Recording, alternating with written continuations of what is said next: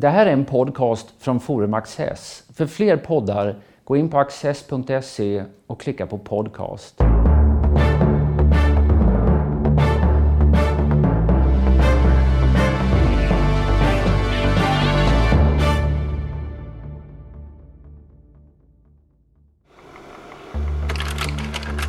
Den poetiska Eddan är en samling dikter på vers med spådomar och historier om hedniska gudar och hjältar.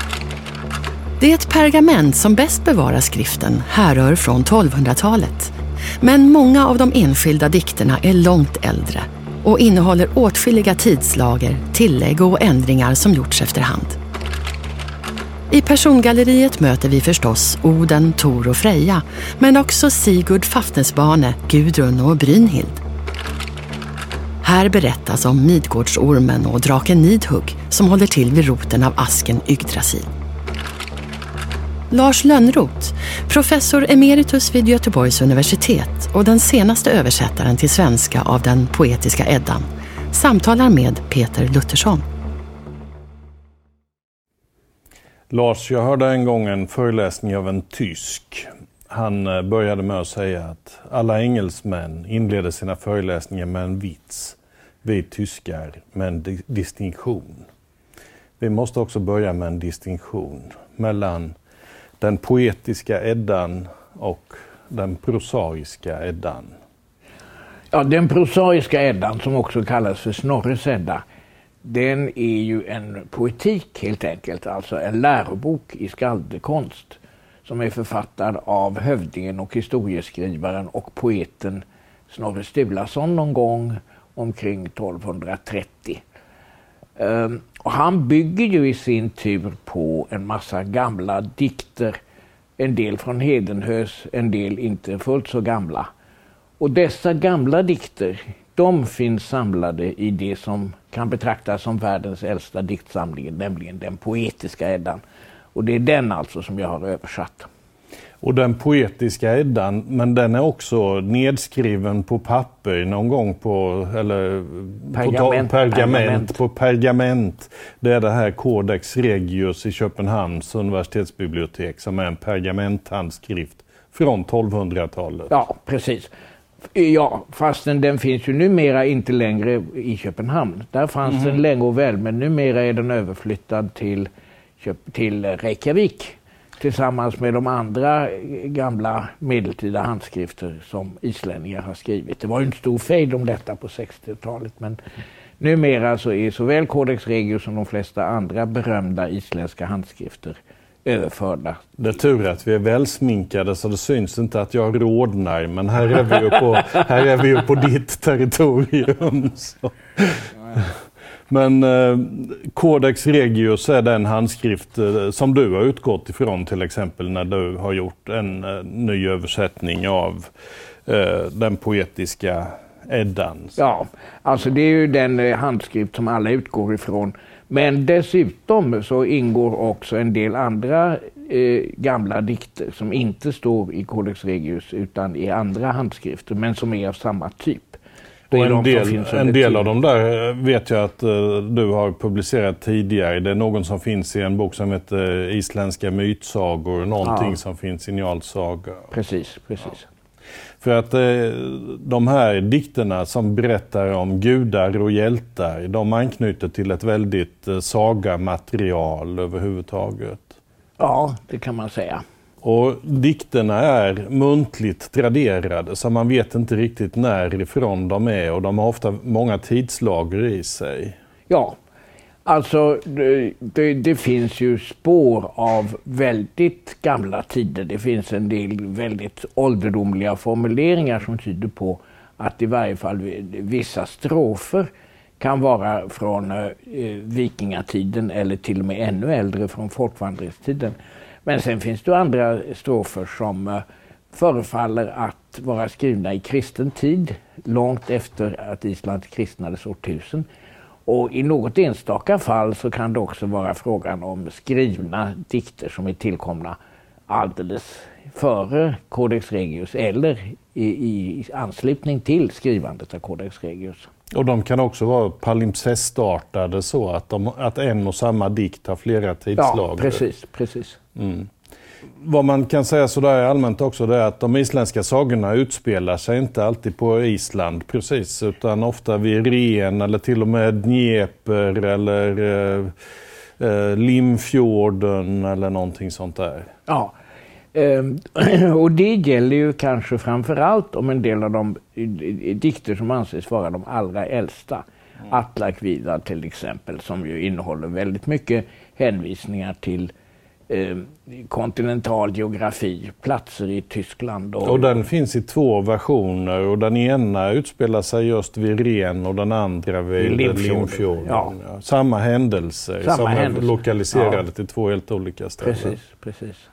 Men eh, ibland finns det en urskiljbar historisk bakgrund till dikterna.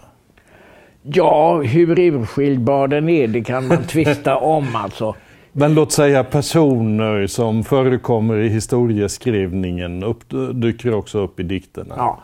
Jo visst, alltså den eh, eh, Atle som förekommer i Eddan, han har ju ett avlägset släktskap med den historiske Attila. Och eh, eh Eh, den eh, Gun Gunnar som omtalas har ett visst samband med en kung som heter Gundaharius. Och eh, den som kallas för Theodrik har ett visst samband med Theodrik den store, en historisk härskare av stor makt. Men, som jag hade anledning att nämna en gång när jag skrev om modernism eftersom hans sekreterare Cassiodorus var den första som använde ordet modern för att profilera nyare tid mot eh, en forntid. Jaha minsann, det visste inte jag. Det var intressant Vad kul att det var någonting du inte visste också. Jaha. Men, men det här, eh, eh, du nämnde Atle då. Bara för att ge en liten doft av vad som händer i de där berättelserna om hjältar. För det är gudaberättelser som sagt var, en del av dem är väl de mest kända och vi ska komma in på dem. Men om man börjar med hjältarna så är ju den stora hjälten här Sigurd. Och hans eh, hustru gifter så småningom om sig när Sigurd är död med Atle. Och eh, Atle dödar emellertid två av hennes bröder varvid hon hämnas på ett eh, brutalt sätt.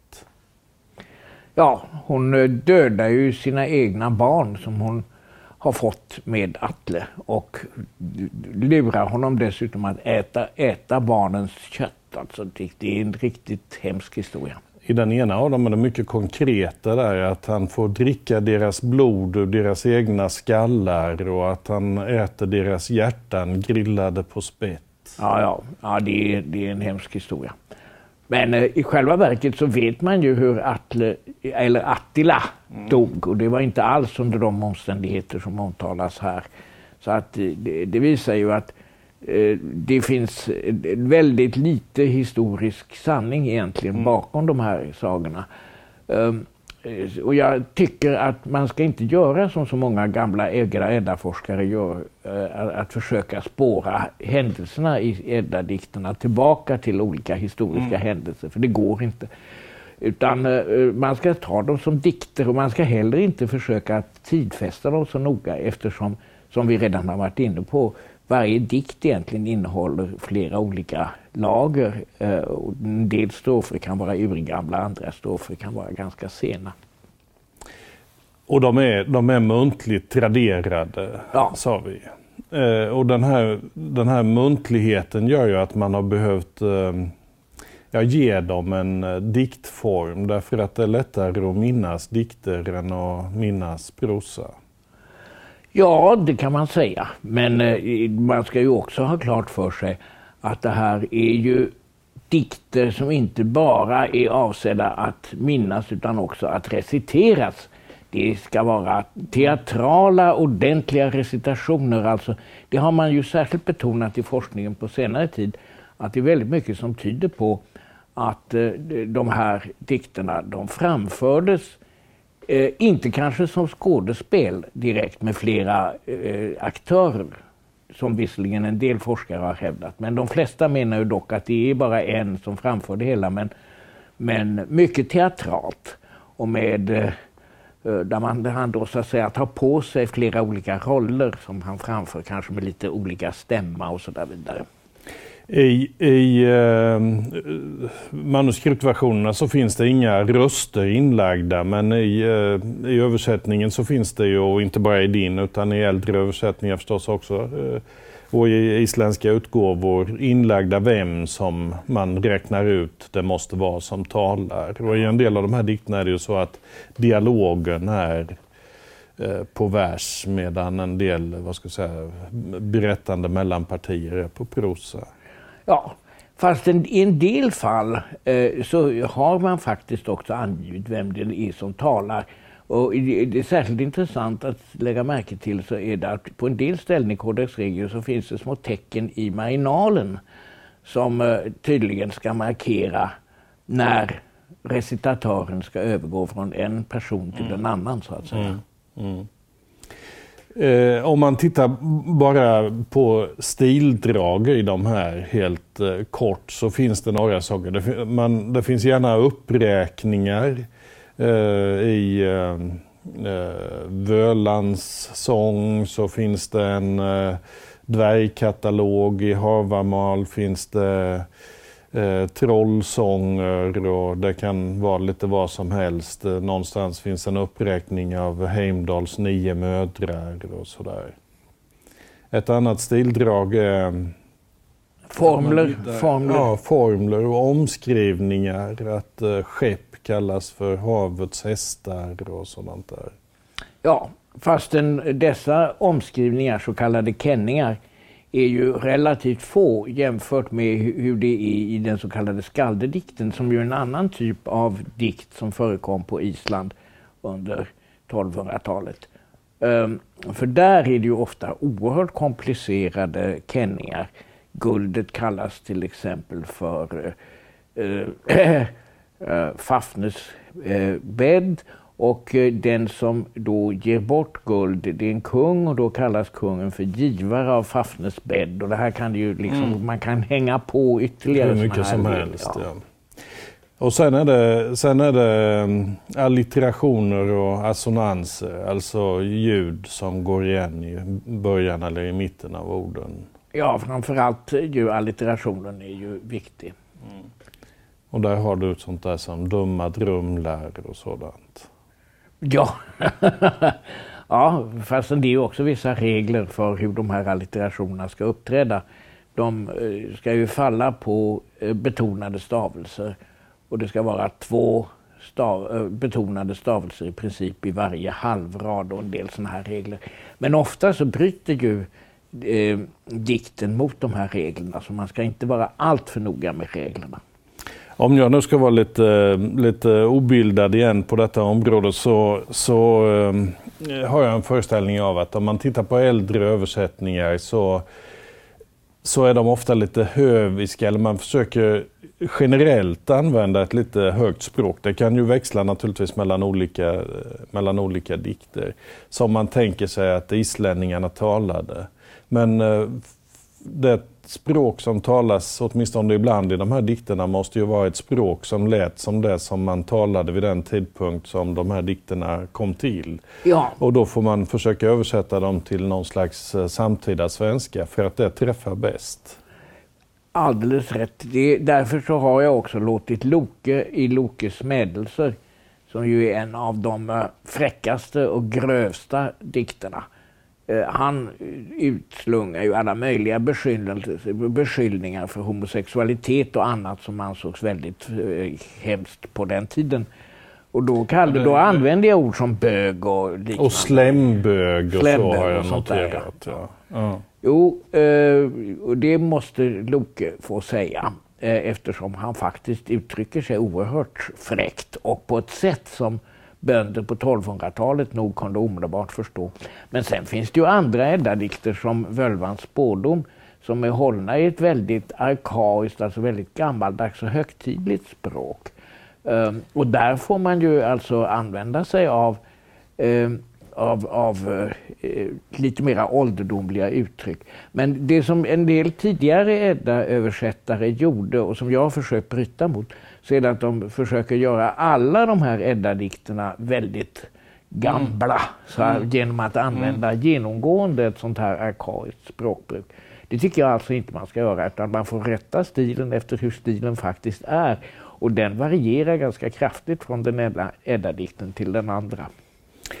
I Völvans spårdom där berättas då kan man säga ja, om världens tillkomst och undergång. Och där är ju stilen hög.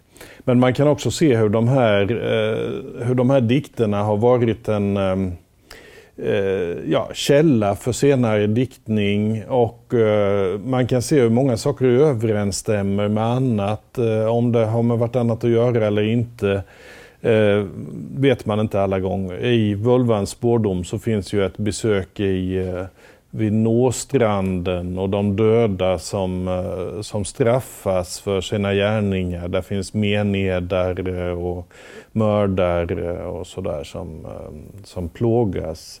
Eh, det får mig att tänka på Dante naturligtvis men också på Ezra Pound, hans så kallade helveteskantos som berättar om hur olika personer, till exempel meddelare, eh, straffas i, eh, i helvetet.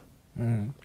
Eh, Det finns ju en del avsnitt i Völvans spådom som eh, påminner väldigt mycket om kristen visionsdiktning. Och det har ju gjort att en del forskare har eh, menat att Völvans spådom ändå i grunden är en kristen dikt och inte en hednisk dikt.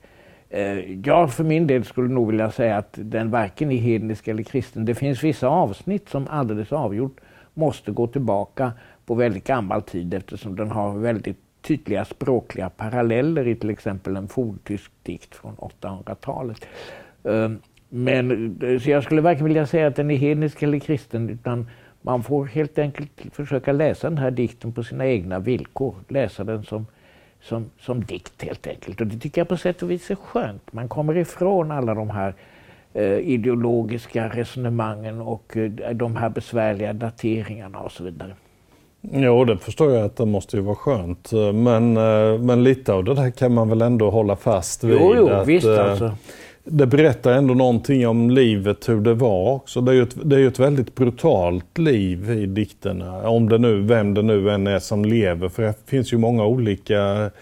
Det finns eh, gudar och det finns jättar och det finns dvärgar och det finns människor och det finns alver och sådär i, eh, som håller till på lite olika ställen men tangerar varandra. Men redan i vulvans eh, spådom så talas eh, det om den första folkstriden i världen.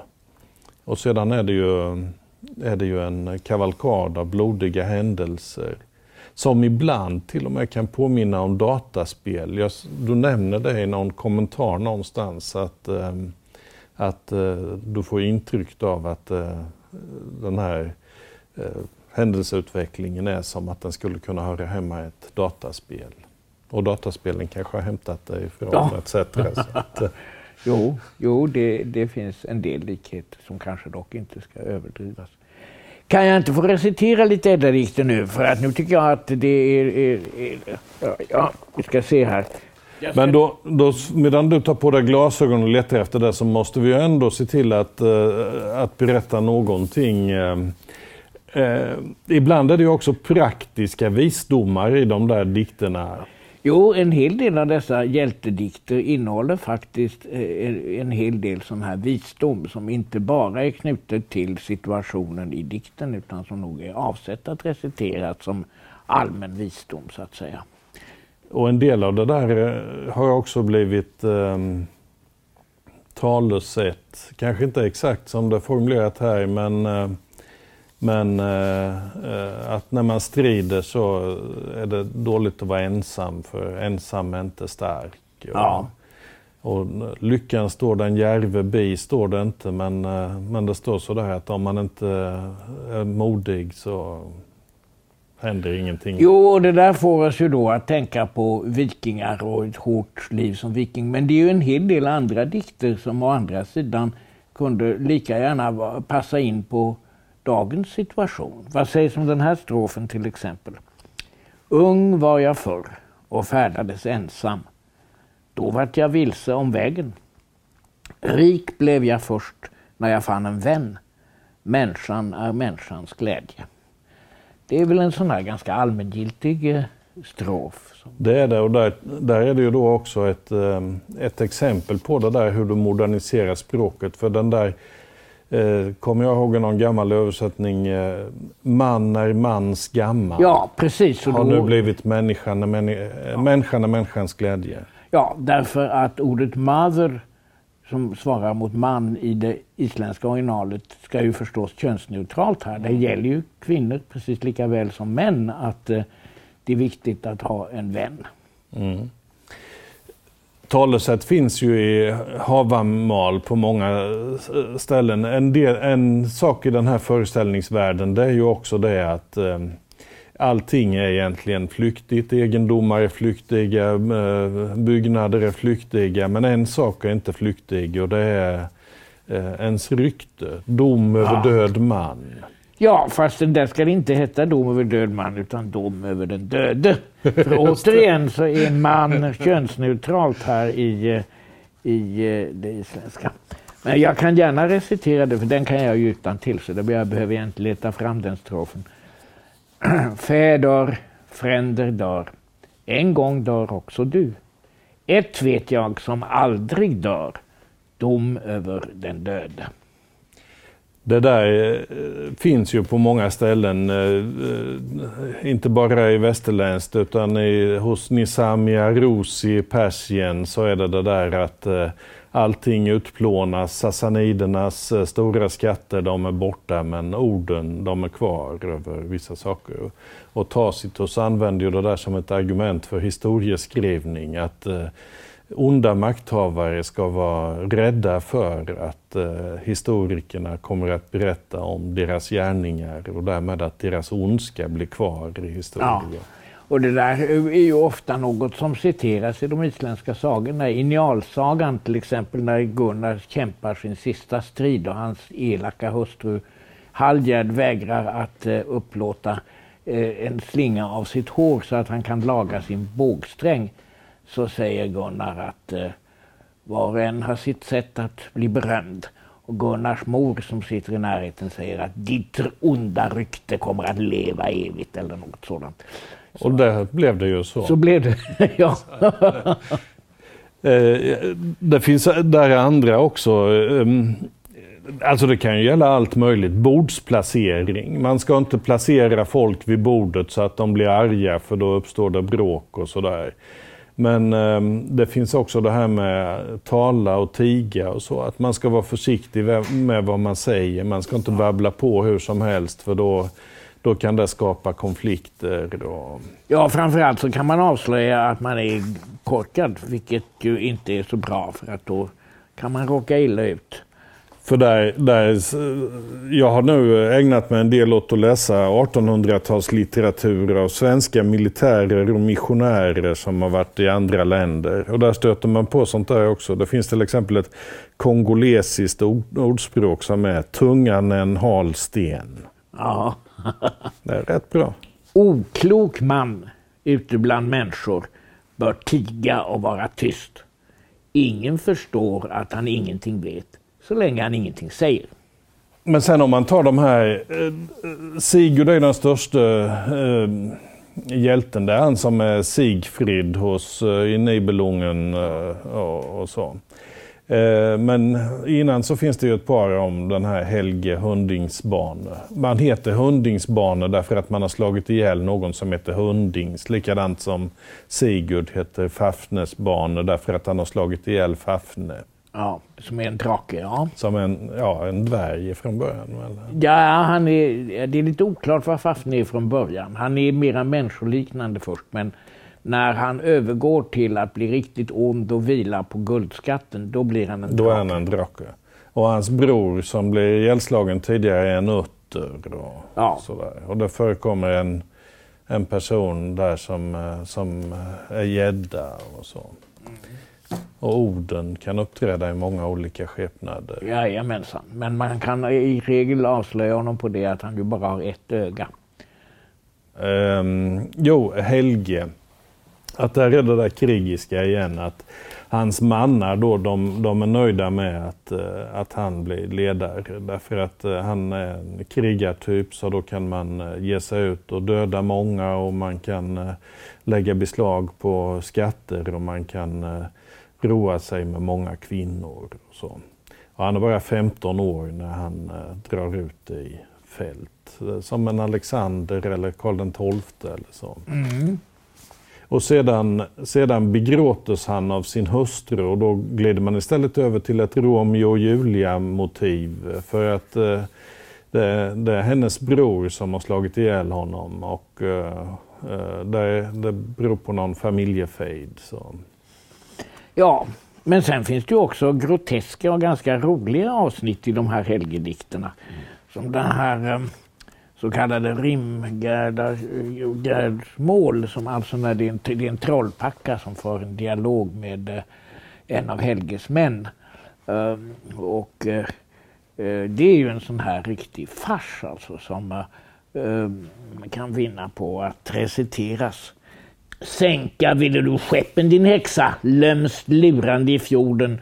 Du hade skickat våra sjömän till ran om du inte fått spjut i späcket säger då den här eh, mm. krigaren. Som, och då svarar Rimgard. Dumt pratar du Atle. Du drömmer nog tror jag. Knappt håller du ögonen öppna. På lur låg min mor för era långskepp och lod vars sköne blev sänkta. Gnägga skulle du snart om du inte var snöpt. När Rimgärd reser upp svansen jag tror att i röven har du hjärtat Atle, fast du härmat en hingst med rösten. Mm. Och så här håller du på tills äh, Atle lurar Rimgärd att vänta tills solen går upp där och förvandlas hon till sten som alla troll. Ett annat eh, inslag i de här det är ju att man tävlar. Man kan tävla om att eh, förolämpa varandra. Och man, men man kan också tävla i kunskap. Eh, Ja. Vilket förekommer några gånger. Till exempel eh, Vafthrudnesmål där Oden tävlar mot jätten Vafthrudne om vem som kan mest om världen. Och Vafthrudne är inte vem som helst. Han har lite sådana där Teresias egenskaper. Att han kan se in i framtiden. Och... Ja, han är framförallt urgammal. Han har varit med all, från, från allra första början. Så att han är, han, han och besökt är... nio världar. Ja, han enormt kunnig. Men det är en sak som han inte kan och som gör att han förlorar matchen till slut mot Oden. Och det, han vet inte vad Oden viskade i Balders öra. För det är en hemlighet som bara Oden själv vet.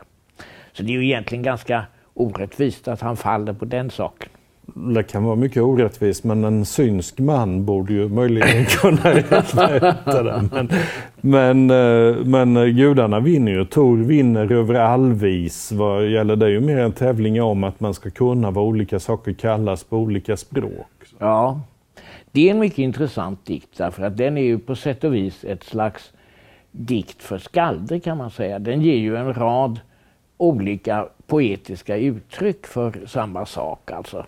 Ehm, eh, alltså, jag ska se om jag hittar något exempel här. Säg mig då allvis, säger Tor till den här dvärgen. För allt i världen väntar jag dvärg att du vet. Vad månne vår jord där människorna bor kallas i varje värld? Och då svarar Alvis, den kallas jord bland människor, men bland asar mark, vägar bland vaner, allgrön bland jättar, grodd bland alver och grus bland högsta gudarna. Och så här fortsätter mm. den. Det är alla möjliga olika uttryck för sol och måne och um, moln och så vidare. och så vidare. Det finns ju en hel värld med benämningar här. Allting heter ju någonting. Folks hästar och svärd och gudars hästar och svärd och ja. sådär. Så att um, vi skulle kunna prata länge om det. Men nu är vi redan vid vår tids... Vid vår Ragnarök. Vid vår Ragnarök.